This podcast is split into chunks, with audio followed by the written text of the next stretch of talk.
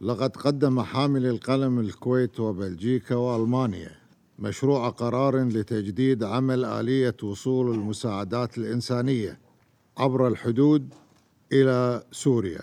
هذه الآلية التي لا بديل لها في الوقت الراهن والتي يعتمد عليها أربعة ملايين نسمة لتلقي المساعدات الإنسانية أغلبهم في شمال سوريا حيث عقدت خلال الأسابيع الماضية عدة جولات من المفاوضات والمشاورات إلا أنه وللأسف لا زال مجلس الأمن غير متفق على تجديد عمل هذه الآلية التي باتت تشكل الفارق ما بين البقاء على قيد الحياة أو الموت لمن لمن هم في أمس الحاجة لاستمرار هذه المساعدات.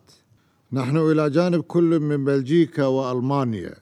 سنواصل وسنكثف الجهود بهدف تجديد عملها ونناشد كل الأطراف.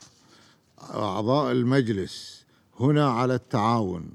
معنا لنتمكن من اعتماد قرار يمدد عمل الآلية فهي مسؤولية إنسانية مشتركة كبرى. السيد الرئيس شهدنا خلال العام الماء الحالي مآس إنسانية كبيرة في سوريا.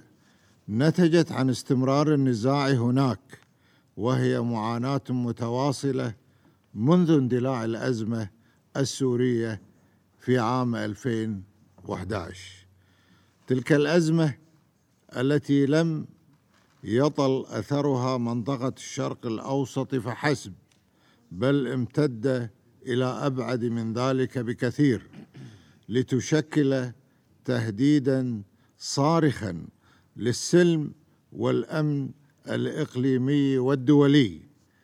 لقد خلفت الأزمة السورية واحدة من أكبر المآسي الإنسانية في تاريخ تاريخنا المعاصر. فقد راح ضحيتها مئات الآلاف من السوريين وأدت إلى نزوح ستة مليون سوري داخليا وأكثر من خمسة مليون لاجئ. وسندخل عام 2020 ولا زال هناك 11 مليون شخص بحاجة إلى المساعدات الإنسانية في سوريا. جميع تلك الإحصائيات المفزعة والصادرة عن الأمم المتحدة تبين جليا حجم المعاناة الإنسانية التي يواجهها هذا الشعب العربي الشقيق فضلا عن تعرضه خلال السنوات الماضية إلى انتهاكات صارخة لكافة المبادئ الأساسية للقانون الدولي الإنساني والقانون الدولي لحقوق الإنسان.